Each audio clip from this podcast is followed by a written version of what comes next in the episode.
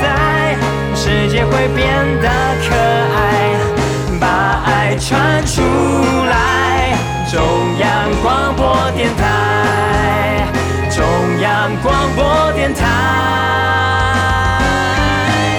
Sobat Muda, pendengar setia Radio Taiwan Internasional, program Bahasa Indonesia. Apa kabarnya kalau muda? Ketemu lagi dengan gue Ipong di sini. Seperti biasa, hari Kamis harinya mantek, manusia dan teknologi selama 10 menit ke depan.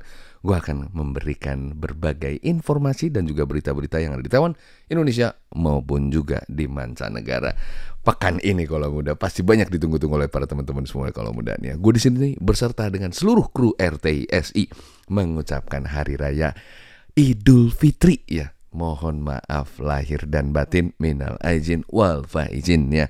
Kalau misalnya ada perbuatan ataupun perkataan dari gue Ibung Chandra, mohon dimaafkan ya. Atau perbuatan yang kurang berkesan gitu kalau muda ya mohon dimaafkan.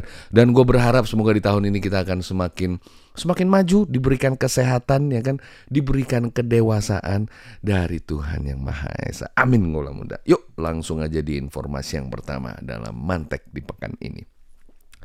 Dongkrak angka persalinan Taiwan darah muda enggan menikah, apalagi punya anak. Kupas tuntas terkait kebijakan dan program pemerintah dalam mendukung persalinan bagi warga yang sudah menikah di Taiwan. Program yang sudah berlangsung selama dua dekade dan hampir berujung di ambang pintu kegagalan. Bagaimana Jepang memperbaiki jaringan kerusakan ini? Dalam satu dekade terakhir, Taiwan dan Korsel, bak saudara seiman, susah dan senang bareng dengan kondisi negara yang cukup persis dalam tingkat kesuburan terendah di dunia. Di mana tahun lalu, dari berbagai efek gabungan global, misal kondisi epidemi dan juga tahun macan di mana tingkat kesuburan warga turun ke rekor terendah menjadi 0,87 persen. Angka ini adalah pertama kali sepanjang sejarah mencatat. Namun, rencana penanggulangan anak yang difokuskan oleh pemerintah selama bertahun-tahun nampaknya hanya fokus kepada bagaimana mengurangi beban keluarga dalam membesarkan anak dan kurangnya perhatian akan kelompok yang belum menikah menjadi PR besar bagi banyak instansi terkait. Dalam proses meningkatkan angka kelahiran yang menurun, kelompok orang yang telah diabaikan telah tumbuh dengan kecepatan yang mengkhawatirkan dalam kurun waktu 20 tahun terakhir. Hal ini juga merupakan faktor utama dalam kunci kegagalan kerja keras Taiwan selama dua dekade. Pemerintah telah berupaya mempromosikan tunjangan persalinan, akan tetapi darah muda yang bahkan tidak ingin menikah, bagaimana ini bisa menjadi insentif yang dapat menarik perhatian bagi mereka? Chou Chen-yuan, salah seorang anggota Partai Rakyat yang sudah menjadi seorang ayah dengan dikaruniai tiga orang anak. Dirinya yakin dan percaya bahwa kebijakan yang terus mendorong perkawinan dan melahirkan harus bertahap dalam implementasinya. Misal, bantu permasalahan yang kerap dijumpai dalam kelompok anak muda di bidang papan, kesampingkan penghalangan pernikahan antara anak muda, dan kemudian yang akan dihubungkan dengan berbagai kebijakan pengasuhan anak untuk lebih efektif.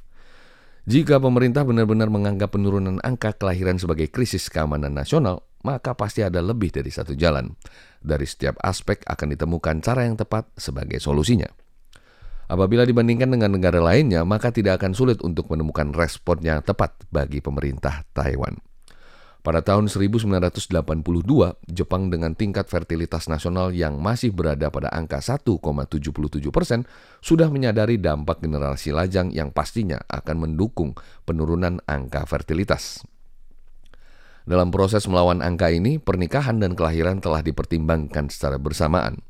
Selain mendukung pernikahan sebagai salah satu dari lima rencana penurunan kelahiran semenjak terhitung dari tahun 2002, dan pada tahun 2006 pemerintah lebih aktif dalam menciptakan jalinan antar pria dan wanita lajang.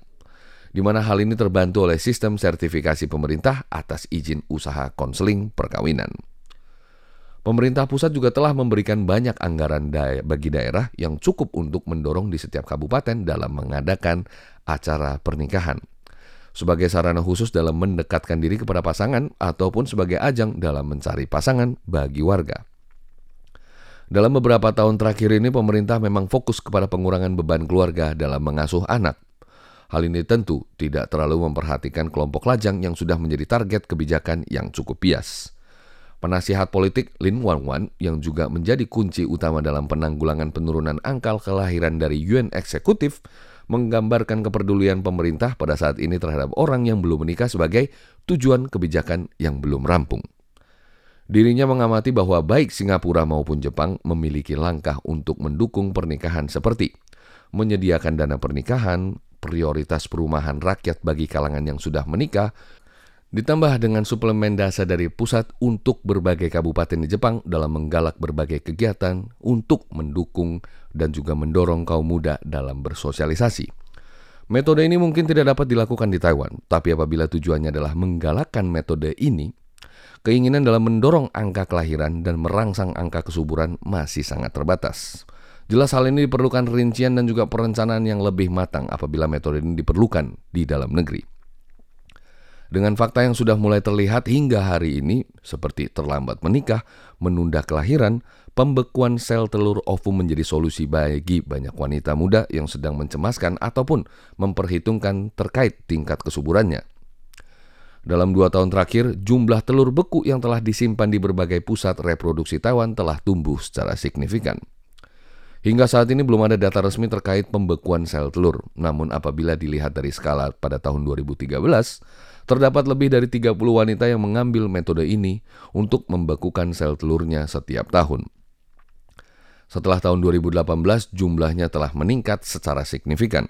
Apabila dibandingkan dengan data dari satu dekade lalu, angka ini sudah meningkat menjadi lebih dari seribu orang, naik menjadi 30 kali lipat dari 10 tahun yang lalu. Seiring dengan semakin populernya tren ini, di mana usia rata-rata yang membekukan telurnya meningkat dari usia 37 tahun hingga ke 35 tahun. Menunjukkan tren ini menarik perhatian bagi wanita-wanita muda di Taiwan. Apabila mengacu kepada biaya berbagai pusat reproduksi Taiwan dengan biaya perawatan pembekuan telur yang hanya berkisar dari 80 ribu NT hingga ke 100 ribu NT. Di mana penyimpanan telur ini akan dikenakan tarif sebesar 8 ribu hingga 10 ribu per tahun. Apakah penggunaan dari manfaat penyimpanan telur ini tinggi? Liang Yiting, ya salah satu seorang dokter dari pusat kesuburan di klinik Song Ziniao menunjukkan bahwa berdasarkan laporan dari Departemen Obstetri dan juga Ginekologi, Rumah Sakit Universitas Nasional Taiwan yang tahun lalu tingkat penggunaan telur beku di rumah sakitnya sekitar 8,4 persen dalam kurun waktu 20 tahun terakhir. Dilansir dari technews.com yang menjabarkan bahwa statistik rumah sakit Song Senyao bahwa tingkat pemanfaatannya berada di kisaran 4,5 persen pada tahun 2022. Selama periode ini lebih sedikit orang yang datang ke rumah sakit gegara masa pandemi yang tingkat pemanfaatan telur ini menurun di angka 6,7 persen.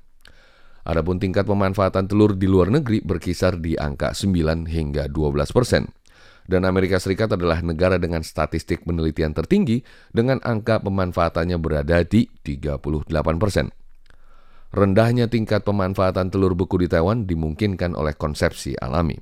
Yang tidak memerlukan pembekuan di lain sisi juga berbagai hukum yang terlalu ketat di dalam negeri sehingga membuat telur yang sudah disimpan halus melalui berbagai hukum reproduksi buatan yang cukup berlibat. Di mana hukum ini hanya berlaku bagi pasangan yang sudah menikah, atau wanita lajang, atau bagi pasangan yang belum menikah dan tidak dapat mencairkan sel telur untuk reproduksi buatan. Menikah dan memiliki keturunan adalah sebuah hubungan yang saling terikat, di mana fenomena ini adalah sebuah fenomena unik di negara-negara Asia Timur.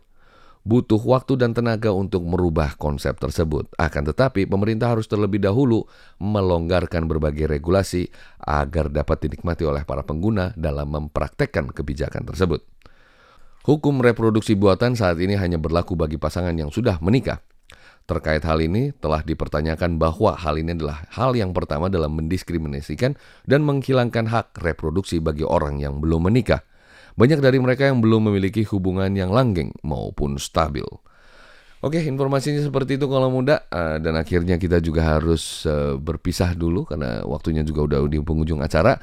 Semoga informasinya bermanfaat di pekan ini kalau muda nih ya. Dan kita akan ketemu lagi di pekan depan di jam dan juga waktu yang sama. Ingat happy itu simple dan simple itu happy. Salam hangat dari Gepung. Sampai jumpa lagi. Bye. 阳光轻轻洒下来，全世界变更精彩。 生生不息的关怀，爱从这一刻展开。无论在什么。